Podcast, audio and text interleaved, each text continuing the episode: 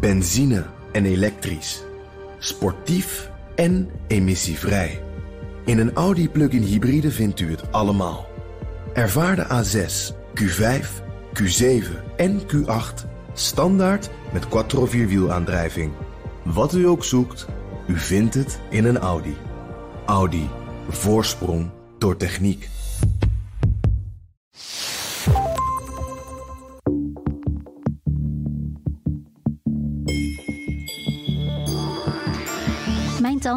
Was een twintiger in Beijing tijdens de studentenopstand op het plein van de Hemelse Vrede. In de week ervoor kwam ze op straat een groep protesterende studenten tegen. Het raakte haar, een gedeeld verlangen naar vrijheid na de beklemming van de culturele revolutie. Zelfs je dromen werden gecontroleerd, heeft ze me wel eens verteld over die periode. Denkend aan haar verhaal keek net als de rest van de wereld naar de beelden van gemaskerde studenten in Hongkong, die gewapend met pijl en boog klaar stonden om te vechten voor hun idealen. En toen kwam corona en werden er in de luwte daarvan kopstukken van de democratische beweging gearresteerd, terwijl het halve kabinet van Hongkong werd vervangen.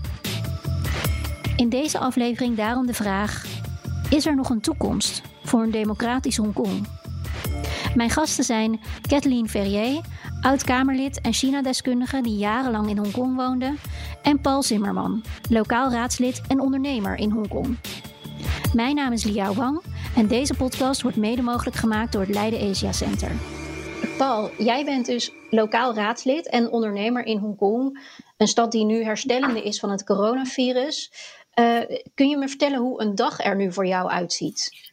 Nou, voor mij is het uh, bijna iedere dag uh, hetzelfde geweest uh, de, gedurende deze hele corona-situatie. op mijn motorfiets naar mijn werk. Dus ik ga niet met het openbaar vervoer. Ik rijd op mijn motorfiets. Dus dan, dat is self-isolation op de motorfiets. En op kantoor werken. Er zijn heel weinig vergaderingen op dit moment. Ik als raadlid, alle vergaderingen zijn gecanceld. Ja, het leven gaat gewoon door. En nu ik, ja, voor het eerst vandaag dat ik zo de straat loop, dat echt alles weer lekker op gang komt. Uh, iedereen gaat weer naar werk en iedereen die, uh, die is overal druk mee bezig om uh, proberen gewoon het normaal sociaal-economisch leven een beetje door te voeren. En iedereen hoopt dat binnenkort dan ook weer alles wat rustiger wordt. En dit, dat je weer overal naar de pars toe kunt en zo. Ja, dus het, het begin zie je wel. Ja, nou, het begin. Kijk, Hongkong is natuurlijk nooit afgesloten geweest. Niet zoals in Nederland of in Amerika of in, in, in Engeland. We hebben geen, geen lockdown gehad. Uh, alles, het leven ging gewoon door. Er was een aangeving. Dat werd, uh, gehoopt dat je niet naar het werk gaat. En uh, als het niet nodig was, je niet ging reizen. En niet met meer dan vier mensen bij elkaar gaat zitten. Maar er is, er is nooit een lockdown geweest. En daardoor heeft alles toch een beetje overal een beetje doorgelopen. En het fantastische is natuurlijk geweest dat in Hongkong iedereen die wist wat ze moesten doen vanwege die 2003 hadden we de SARS. En iedereen die had gewoon meteen zijn masker op toen uh, het gevaar uit China uh, duidelijk begon te worden. Iedereen ja. die had meteen zijn handen wassen. Dat werd gewoon door iedereen ook meteen allemaal gedaan. Kathleen, jij hebt vijf jaar in Hongkong gewoond en je hebt daar ook nog veel vrienden en contacten. Ja. Hoe kijken mensen daar naar de situatie nu? Zijn ze bezig met het gewone leven of zijn ze nog echt heel erg bezig met um, het virus eigenlijk? Nou, het is eigenlijk zoals Paul zegt: Hongkong is nooit helemaal afgesloten geweest. Uh, wat ik zelf hier vanuit Nederland kijkend naar hoe dat in Hongkong ging, inderdaad, wat Paul zegt: uh, iedereen wist meteen wat hij moest doen. Geen gezeur over mondkapjes, ja of nee. Natuurlijk zet je een mondkapje op. Natuurlijk was je je handen. Hongkong is ook getraumatiseerd door de gebeurtenissen in het uh, begin van deze eeuw, 2003, SARS en MERS. Maar je ziet dat men weet wat men moet doen. Wat ik een interessant verschil vind, is dat uh, Hongkong dus veel strenger is ook op internationaal uh, vliegverkeer dat mensen die nu teruggaan naar Hongkong in quarantaine moeten, een kastje op hun pols krijgen. Terwijl het volgens mij nog steeds zo is dat je op Schiphol niet eens je temperatuur gecontroleerd wordt als je uit de Verenigde nee. Staten komt. En als we dan inderdaad eventjes uh, wat verder teruggaan, dan herinner ik me nog bijna apocalyptische beelden van eind 2019 met gemaskerde studenten die gewapend met pijl en boog klaar stonden. En twee maanden later was de hele stad gefocust op het coronavirus, zoals jullie net ook, uh, ook vertelden. Uh, Paul, hoe, hoe werd die omslag in Hongkong beleefd? Nou, dat ging bijna een beetje automatisch, want het werd al wat rustiger voor kerstmis.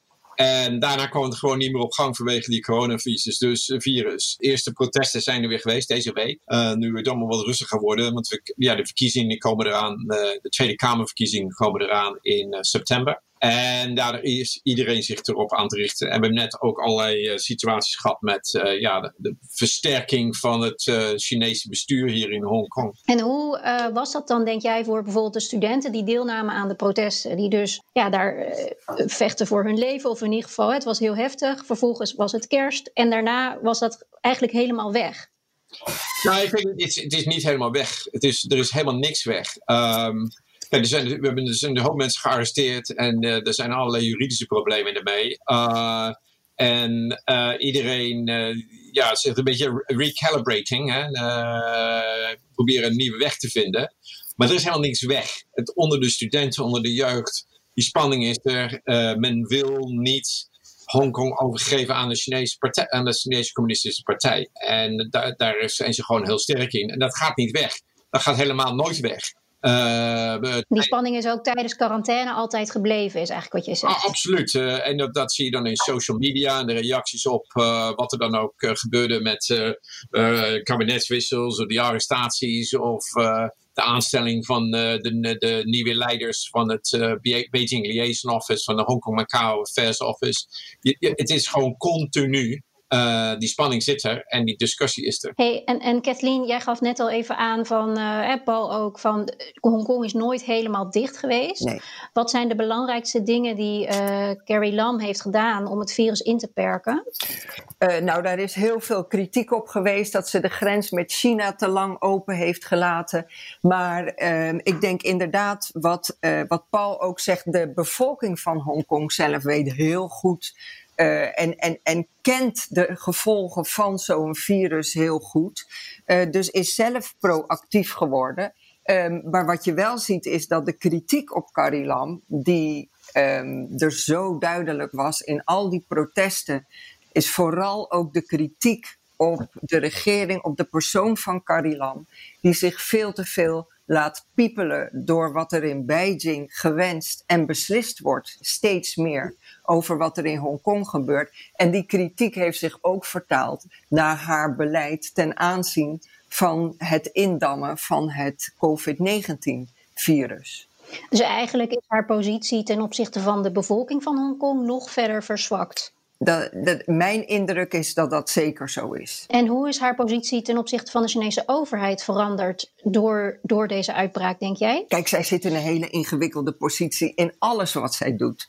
Zij moet natuurlijk, zij is uh, zeg maar burgemeester van Hongkong en tegelijkertijd moet ze de relatie met Beijing moet ze goed houden. Um, dus die vrouw zit altijd in een, uh, in een spagaat. Heel ingewikkeld voor haar. En ja, ook wat de aanpak van dit virus betreft, wil ze Beijing niet voor het hoofd stoten. Maar is de, is de bevolking van Hongkong kijkt heel kritisch naar haar. Juist omdat men die ervaring van begin van deze eeuw heeft. Uh, dus, de, dus ze zit in een lastige positie en haar positie wordt steeds zwakker. Zeker naar wat we de afgelopen zeg maar tien dagen hebben zien gebeuren. Waarin de invloed van China in Hongkong naar mijn idee steeds duidelijker wordt. En door het virus verschoof die discussie in ieder geval voor westerse ogen een beetje naar de achtergrond. Maar als ik jullie zo hoor, speelt die in Hongkong eigenlijk nog even sterk als altijd. En toen werd in het weekend van 18 april dus bekend dat er um, minimaal 14 kopstukken van de pro-democratische beweging zijn gearresteerd. Hè? Uh, Kathleen, kun je uitleggen wie deze mensen waren? Hoe belangrijk waren zij? Um, kijk, die arrestaties die zijn enorm belangrijk in het licht van wat Paul ook al zei. De zeg maar Tweede Kamerverkiezingen, de LEGCO, Legislative Council verkiezingen, die in september plaats gaan vinden.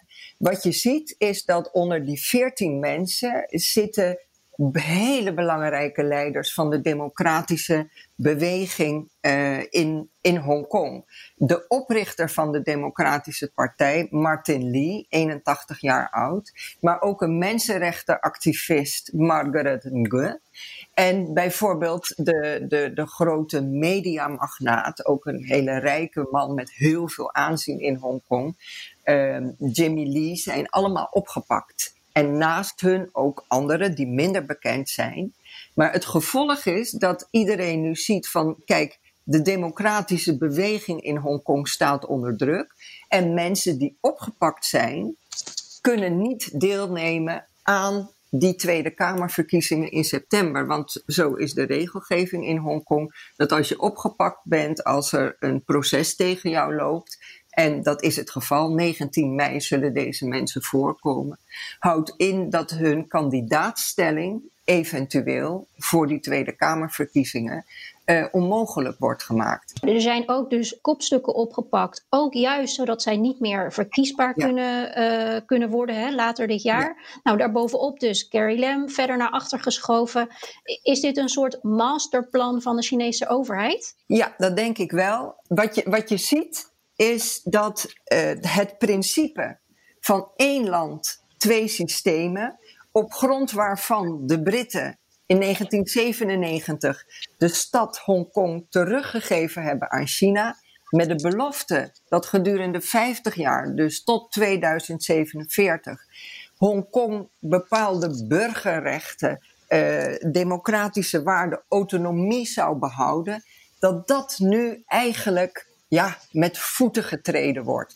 En het gaat inderdaad, dat ben ik met Paul eens, um, nu we te maken hebben met die COVID-19-crisis, zie je eigenlijk dat China enorme stappen voorwaarts maakt.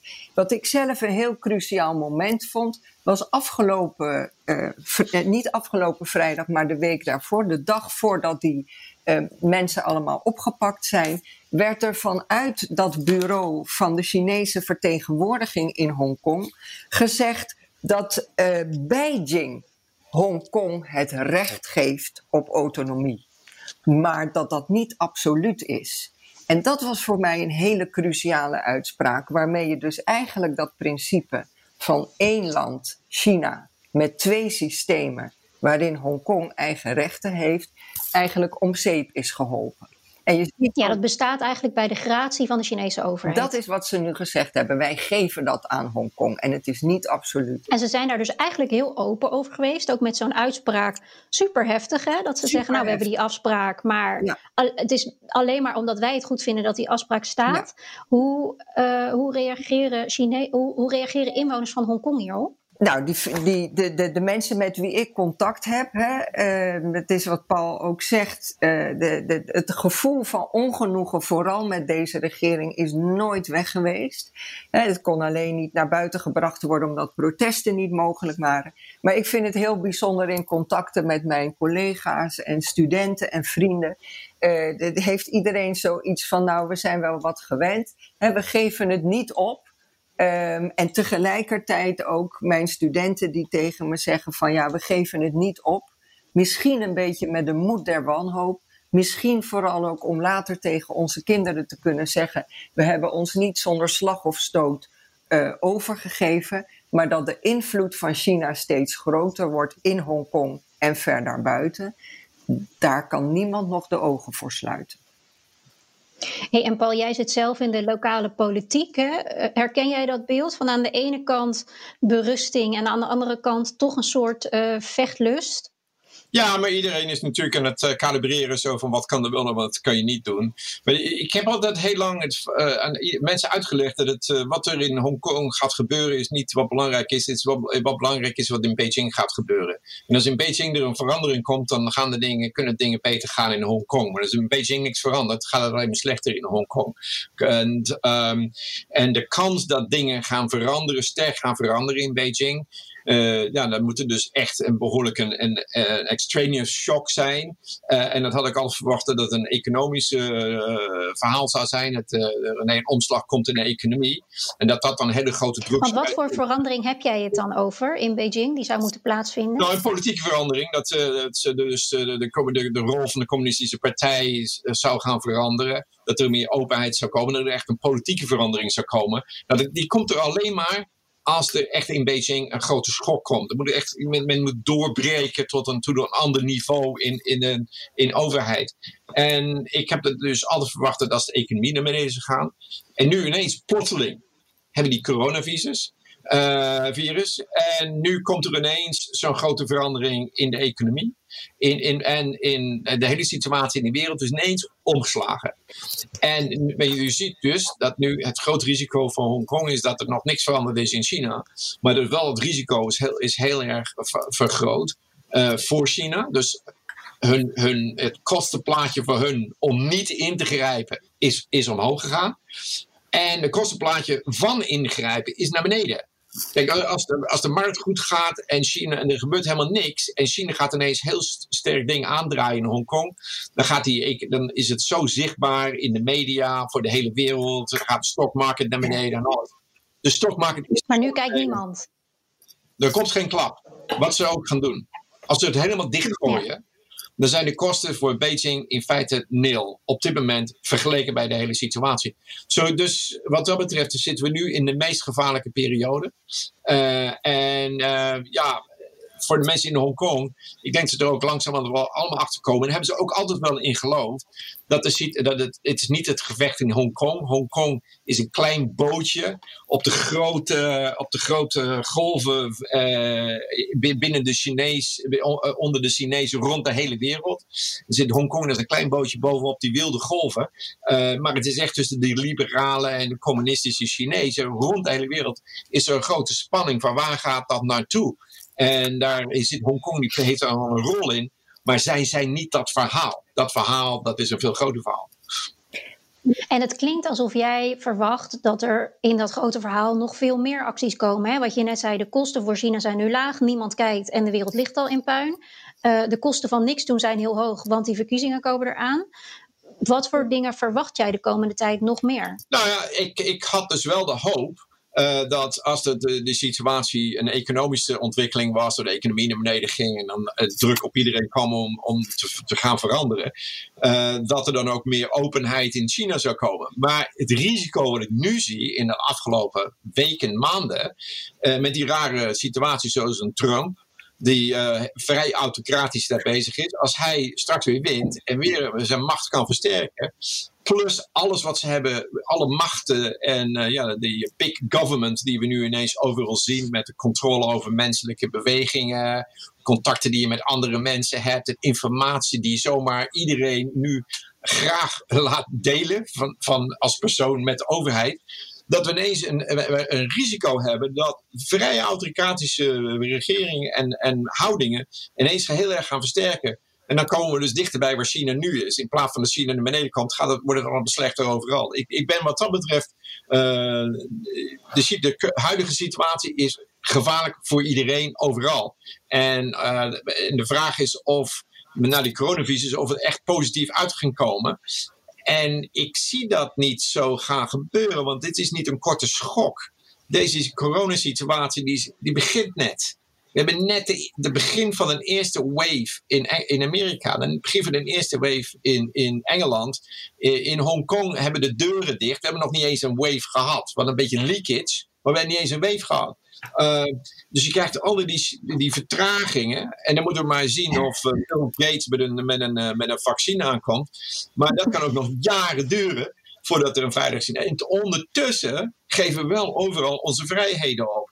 Uh, ja, ondertussen worden we allemaal een beetje Chinees eigenlijk iedere dag. En, en daardoor heeft China dus de minder druk om China om daar te veranderen. En dan ziet het er in China eigenlijk wel goed uit als ze gewoon een lockdown van een hele, hele, een hele land van anderhalf biljoen mensen kunnen doen. Terwijl de Amerikanen zich niet kan organiseren, Nederland kan zich niet organiseren, Engeland kan zich niet organiseren. Dus wat dat betreft, het verhaal zoals we het allemaal zagen tot en met kerstmis, ik denk dat dat heel dramatisch aan het veranderen is. En ik kan nog niet voorzien wat dat betekent voor Hongkong. Hey, en Kathleen, we hadden het net al eventjes over de, het grote masterplan eigenlijk wat China in gang heeft gezet. Is, is voor China de, de coronacrisis eigenlijk een zegen, zodat ze dat masterplan kunnen versnellen? Nou ja, het, kan, het kon inderdaad verschillende kanten op. En wat je gewoon ziet gebeuren, is dat China heel slim gebruik maakt van de situatie in de wereld ehm, eh, om de invloed van China te vergroten. Nou, we hebben het over Hongkong gehad, daar is het duidelijk, dat hebben we besproken. Maar je ziet het ook in Taiwan. In Taiwan. de invloed van China. Eh, China dreigt met allerlei vliegtuigen en dingen. We zien het in de Zuid-Chinese Zee. We hebben daar die eilanden, de Spratly en de Parcel-eilanden. in 2016 heeft het Hof van Arbitrage in Den Haag gezegd dat China niet ook historisch recht op de zee heeft. China trekt zich er juist ook deze dagen niets van aan en gaat rustig door met het vergroten van haar invloed in de Zuid-Chinese Zee. Maar ook breder in Europa. We kennen allemaal het Belt and Road Initiative, hè? dus dat China haar economische invloed vergroot. Europa is tot op het bot verdeeld. Ehm, als wij moeilijk gaan doen, bij wijze van spreken, tegen landen in het zuiden, Italië, nee, jullie krijgen geen geld van ons, komt China prima uit. Ook al hebben ze op dit moment niet veel geld, ze zullen duidelijk laten zien van wij zijn jullie bondgenoot. Um, en je ziet het inderdaad op het internationale terrein. Hè? Uh, we hebben al dat gedoe met de WHO. Natuurlijk is de invloed van China groot in de Wereldgezondheidsorganisatie. Um, en je ziet ook inderdaad, uh, we hebben nu te maken, als je alleen al kijkt in Nederland, waar wij nu de discussie voeren over of wij een app willen, ja, dan niet. Ik zeg altijd, laten we goed kijken naar wat er in Hongkong gebeurt. Laten we goed kijken naar de manier waarop China haar invloed vergroot. Niet om daar bang voor te zijn, absoluut niet. Maar om er lessen uit te trekken en voor onszelf te bepalen. Hoe gaan wij om met die wereldmacht die China is? En na de uh, COVID-19-crisis zal nog duidelijker blijken hoe groot de invloed van China is op allerlei terreinen. Nou, hoe stellen wij ons als Europa, als land, als, uh, als continent, dat zegt te staan voor democratische waarden, hoe gaan wij om met deze grootmacht, die vandaag de dag ook heel terecht aangeeft, bijvoorbeeld bij monden van de Chinese ambassadeur in Parijs, uh, zegt van als je deze uh, crisis, de COVID-19-crisis, goed aan wil pakken, dan zal je toch lering moeten trekken van hoe wij het in China doen. Hoe wij bijvoorbeeld met technologie omgaan. En ik zeg zelf ook, laten we vooral leren daarvan. Um, willen we grip krijgen op dit virus, dan zullen we technologie moeten gebruiken, apps of wat dan ook. Maar we zullen het wel op onze eigen manier moeten doen, met alle ethische kanttekeningen die daar voor ons bij horen. Aan de ene kant zie je een soort masterplan Doordat ze hun invloed bewust proberen te vergroten in naburige gebieden. Hè? Aan de andere kant stellen ze zich op als de redder van de, van de westerse wereld bijna. Um, en daar komt en bij... toch hoor je eigenlijk weinig, weinig kritiek vanuit het Westen, los van Trump. Hè? Dus, dus ja. welke rol zouden wij moeten pakken? Ja, want het, het, het verhaal wordt nu, nog twee punten wat dit betreft. Het verhaal wordt nu. Uiteindelijk zullen de landen die een wat meer autoritair systeem hebben, beter het COVID-19-virus aan kunnen pakken dan al die democratische landen waar men de burgerlijke vrijheden niet wil beperken en waar ondertussen duizenden doden vallen. Dus kijk maar naar ons, hoe wij dat doen. Tweede ja, punt. Ja, daar moeten we dus echt mee oppassen, want dat verhaal is natuurlijk, ja. klopt helemaal niks van dat verhaal. Het verhaal dat klopt is Zweden. Het verhaal dat klopt is Nieuw-Zeeland. Dus het verhaal dat klopt is Taiwan. Het verhaal dat klopt is Korea en Hongkong. Niet China, niet Amerika, niet Engeland. Er zijn verhalen die kloppen en die verhalen die niet kloppen. En moeten dus moeten dat, dat gesprek over wat werkt en wat niet werkt, moeten we duidelijk uit elkaar halen. Want als je, als je, als je de mensen, de bevolking goed kan motiveren, zoals dat in Hongkong was gedaan, om meteen schone handen, monddoekje op, dan kan je ook controle hebben over, over die verspreiding van de ziekte. Je, hebt het niet, je hoeft niet mensen binnen hun deuren af te sluiten en hele, hele, hele provincies van China af te sluiten om controle te krijgen. Dus ik denk dat we heel, heel voorzichtig moeten zijn met het, uh, met, met het uit, uit, uit, dit verhaal uit elkaar te breken en opnieuw in elkaar te zetten.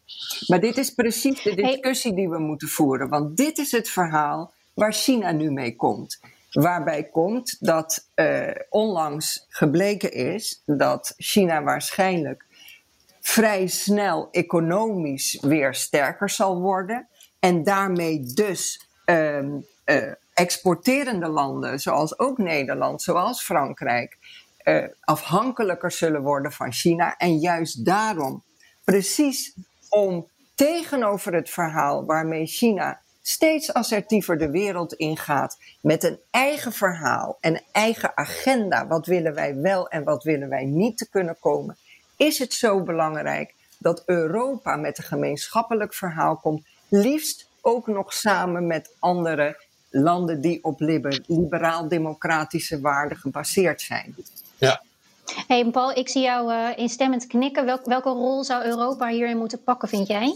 Ja, leiding geven, morale, uh, morals. uh, het Nederlandse woord daarvoor.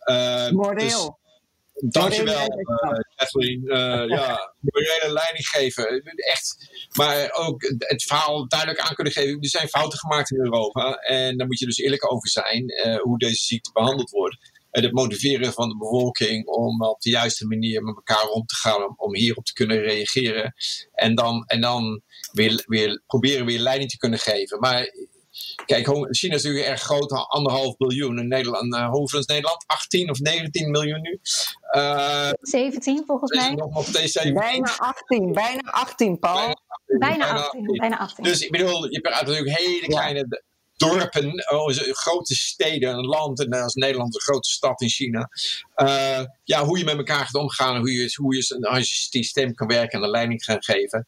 Voor mij is dat uh, altijd heel duidelijk gebleken dat de European Union als een organisatie waanzinnig kwaliteit materialen heeft uh, uh, kunnen ontwikkelen op allerlei verschillende gebieden. En uh, die waren ontwikkeld door met elkaar samen te werken. Dus die waren echt heel goed onderhandeld en daardoor hadden ze zulke diepe kwaliteit.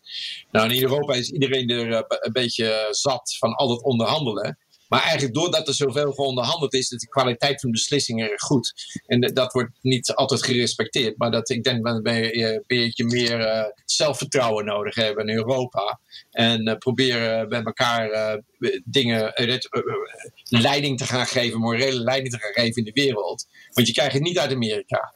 Je krijgt het wel, denk ik, van mensen zoals in Nieuw-Zeeland en Australië en Europa. Ik denk dat je het uit Zuid-Amerika van een aantal landen kan krijgen. En in, in, in, in Azië, Taiwan, Korea, Singapore, Hongkong.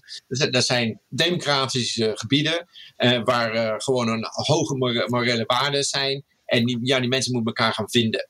Uh, en, dan... en vind jij dan bijvoorbeeld dat ook Europa zich zou moeten uitspreken over de situatie nu in Hongkong met de arrestaties en de bestuurswissel? Ja, maar je moet er dan wel, je moet dan ook niet simpel erover zijn. Want als je er alleen maar simpel over bent, dan is het, dan is het net, stel je, waar bemoei je je mee? En dan is het ook makkelijk om hier voor iedereen dat zo te zeggen. Dan moeten die dingen dan niet zoals die Amerikanen die er gewoon één keer, oh ja, heel slecht allemaal. En dan boe, boe, boe.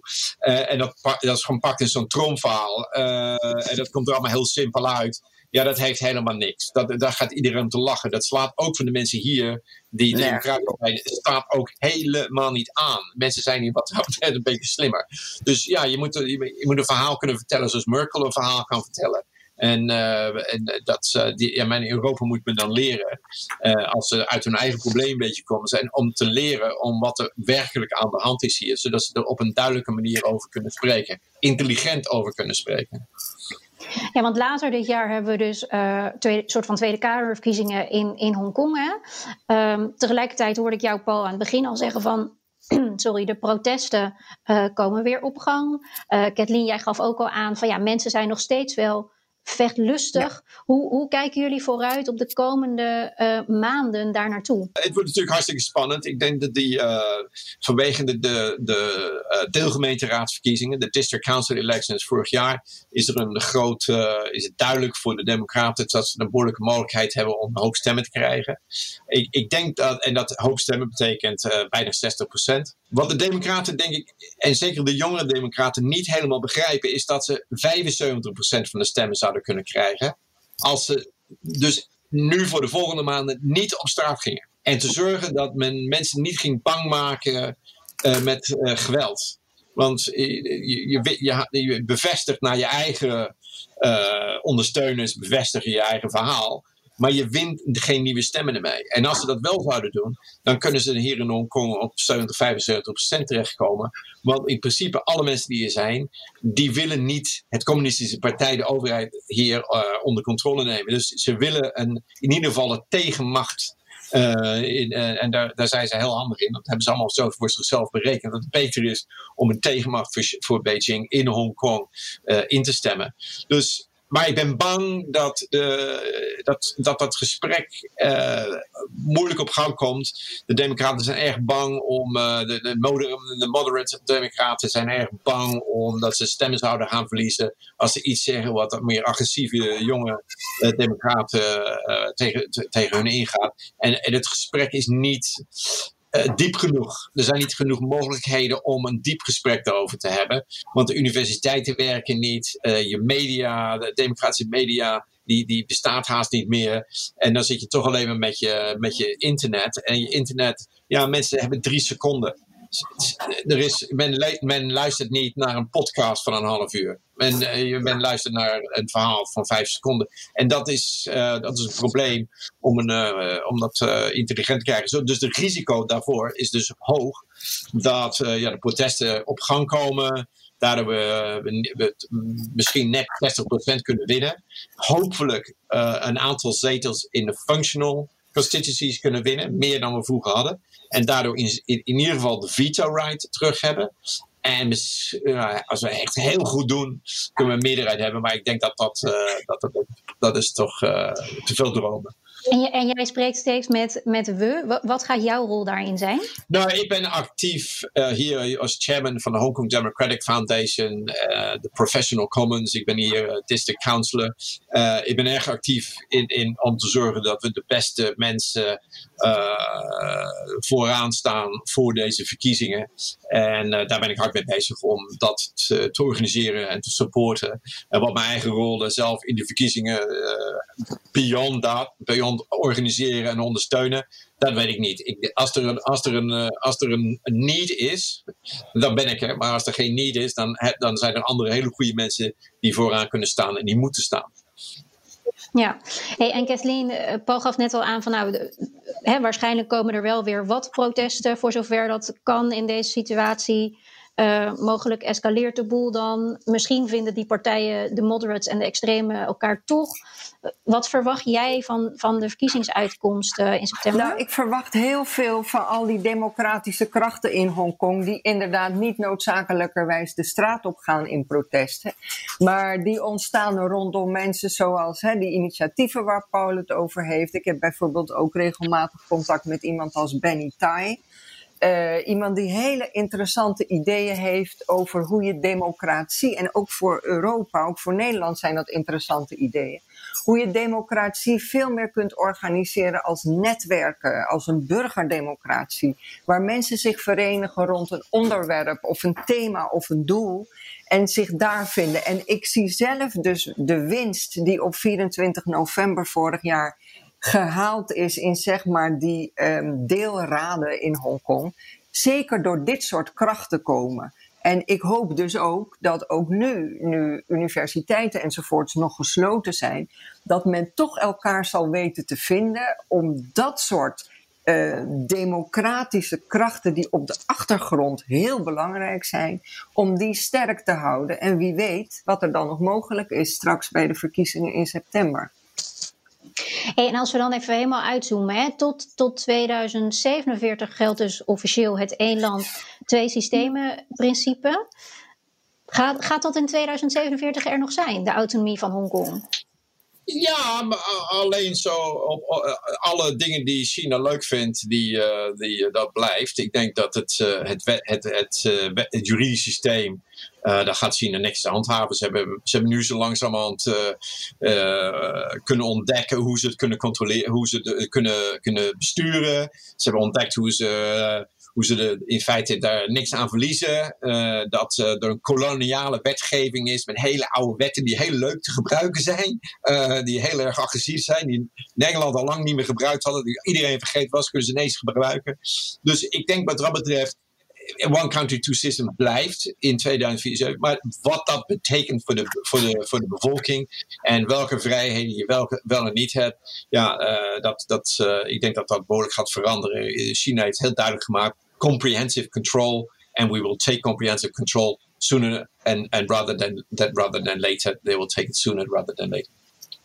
Ja, dus die strijd is voorlopig nog niet afgelopen. Ik denk mhm. dat de, ons allereerste belang zou moeten zijn: hoe ziet onze wereld eruit nadat het stof van COVID-19 is neergedaald? En opnieuw wijs ik erop dat het zo belangrijk is om juist nu heel alert te zijn op wat voor geopolitieke verschuivingen we zien gebeuren. Dus dat is mijn allereerste uh, eerste aandachtspunt eerder dan zo ver vooruit te kijken op dit moment. Dus, dus los van 2047 moeten we eigenlijk continu letten op welke rol probeert China te pakken en wat vinden wij daar eigenlijk wat, van? En, en liefst proactief, niet reageren op wat China doet, maar een eigen plan hebben als Europa, wat ik steeds bepleit, en daarbuiten liefst in samenwerking met andere landen die gebaseerd zijn op liberaal-democratische waarden. Ja, en één keer Ik denk dat China, wat dat betreft met China, je moet gewoon je moet met China werken, maar je moet wel hard werken. Want je, je, je hebt wel te maken in China met uh, bestuurders die anders dan in Europa de slimste van de klas zijn. Die echt door de communistische partij getraind zijn, die zich met ellebogen omhoog gewerkt hebben. En er zijn de slimste mensen zitten staan bovenaan, niet de domste. En natuurlijk in het politieke systeem in Europa hebben niet altijd de slimste mensen die helemaal bovenaan staan. Misschien de slimste mensen zitten in andere onderdelen van de maatschappij. En eh, ja, wat dat betreft, uh, dat is, moet je, daar moet je rekening mee kunnen houden. Je moet behoorlijk op je tenen lopen. Maar je kan wel engageren, je kan wel uh, je, kan, je kan met elkaar werken, maar dan moet je, moet je echt actief en agressief in zijn. En niet, uh, niet alleen maar kijken naar hoeveel geld ze hebben. Je moet... En moreel leiderschap tonen. En moreel, absoluut. En zorgen dat je kennis hebt over het land en de mensen met wie je dealt, hun wereldbeeld, hun mensbeeld. Het begint met kennis. Hey, afsluitend misschien voor jullie beiden uh, was ik benieuwd, misschien in één of maximaal twee zinnen. Is er een toekomst voor een democratisch Hongkong? Ja, absoluut. Er is een toekomst voor een democratisch Hongkong. Het, maar het hangt, dat hangt niet af van Hongkong, het hangt af van Beijing. Er is een toekomst voor een democratisch Hongkong. En dat hangt niet alleen af van Hongkong, niet van Beijing, maar ook hoe de rest van de wereld zich op wil stellen voor behoud van democratische waarden. Dank jullie wel. Heel graag gedaan. Moeten we bang zijn voor China? Dat is de vraag die bij mij blijft hangen als ik hoor hoe direct en indirect de invloed van de Chinese overheid steeds groter wordt, juist buiten China. Als ik merk dat ik denk, lanceer die app maar, privacy zien we later wel, maar dan kunnen we nu tenminste gewoon verder. Ben ik dan onbewust meegegaan in het zo nauwkeurig opgezette masterplan van de Chinese overheid? Duidelijk is wel dat Europa hier alleen een rol in kan spelen met diepgaande kennis van China en van wat daar gebeurt. Om zelf van te leren en als noodzakelijke voorwaarde voor welke vorm van leiderschap dan ook op het wereldtoneel. Tot zover deze China-podcast. Dank aan mijn gasten Kathleen Ferrier en Paul Zimmerman. Deze podcast wordt mede mogelijk gemaakt door het Leiden Asia Center en is terug te luisteren via bnr.nl/slash China-podcast, de BNR-app of je favoriete podcastplatform. Reageren? Dat kan via podcast.bnr.nl.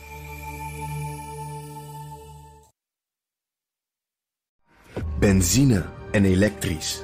Sportief en emissievrij. In een Audi plug-in hybride vindt u het allemaal. Ervaar de A6, Q5, Q7 en Q8 standaard met quattro vierwielaandrijving. Wat u ook zoekt, u vindt het in een Audi. Audi. Voorsprong door techniek.